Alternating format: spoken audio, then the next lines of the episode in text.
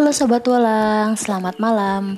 Bertemu kembali dengan saya Hasiah Zen dari Ibu Profesional Banyumas Raya Nah hari ini kita sudah ada di final countdown di hari ke-15 Temuan, eh tantangan. Tantangan zona 1 komunikasi produktif kelas Bunda Sayang batch 6 Nah hari ini hmm, Judul temuan saya adalah curhat ha, karena kebetulan hari ini saya didatangi oleh seorang teman yang menurut saya beliau ini adalah pribadi yang luar biasa.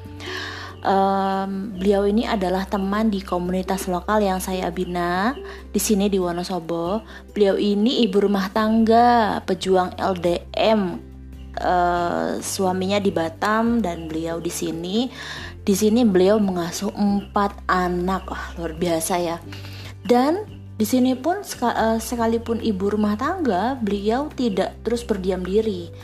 Beliau punya, eh beliau ini juga seorang petani sayur luar biasa sekali dan minggu-minggu um, ini ketika harga sayuran anjlok beliau mampu uh, mem merangkul petani sayur yang lain untuk menjual bersama-sama sehingga uh, harga yang di, ditawarkan itu maksudnya harga borongan itu tidak terlalu murah.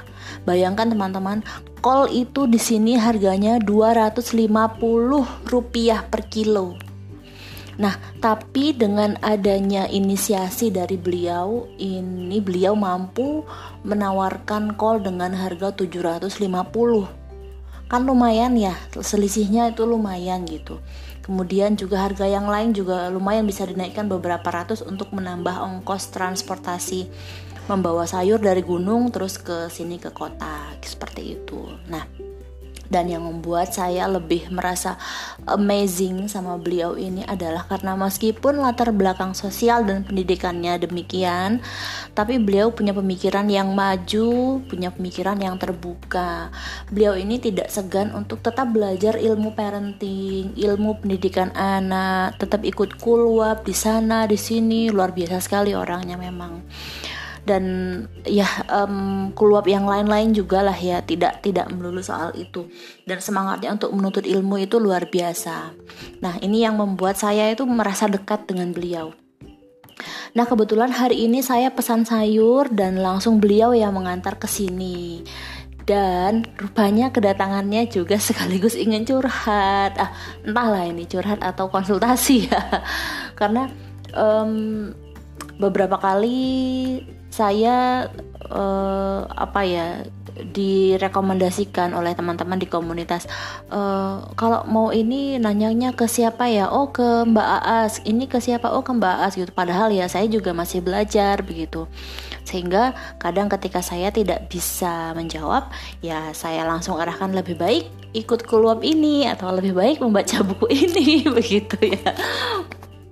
Oke. okay um, jadi beliau curhatnya itu tentang komunikasi tentang komunikasinya dengan suami yang LDM tentang komunikasinya dengan ibu mertua yang kebetulan rumahnya hanya bersebelahan tentang komunikasinya dengan anak-anak. Bayangkan saja mem, um, uh, harus mengurus empat anak yang sekarang sedang PJJ semua. Luar biasa sekali kan beliau ini Nah, jadi beliau banyak curhat tentang itu. Gimana ya, saya tuh begini begini begini.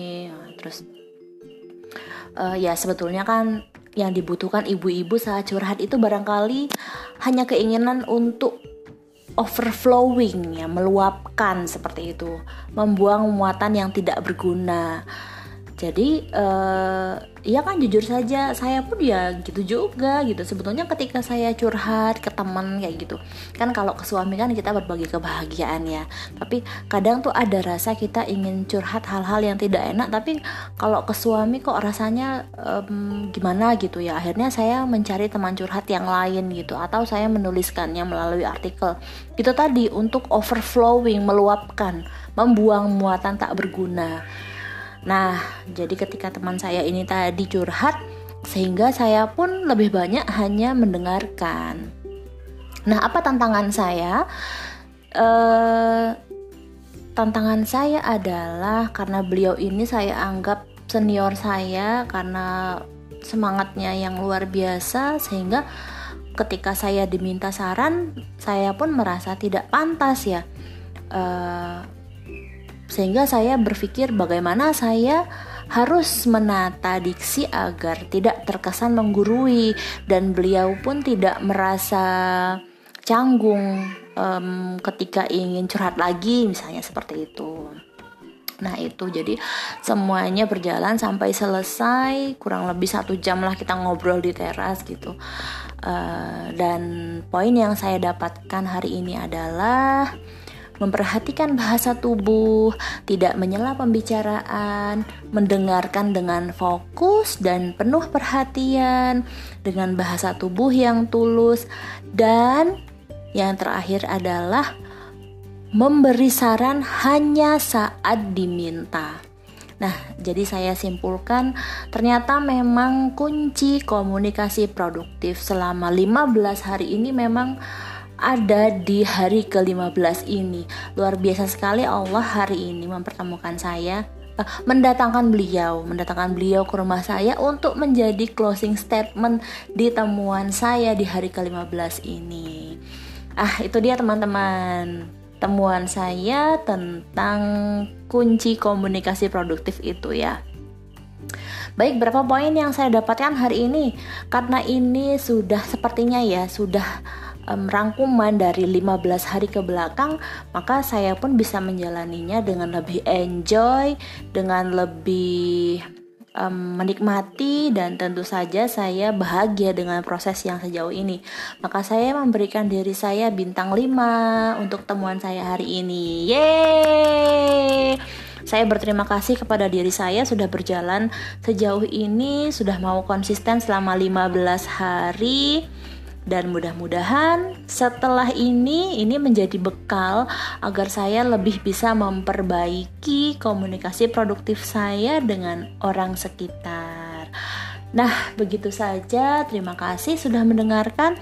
Selamat bertemu kembali di zona kedua. Terima kasih. Selamat malam.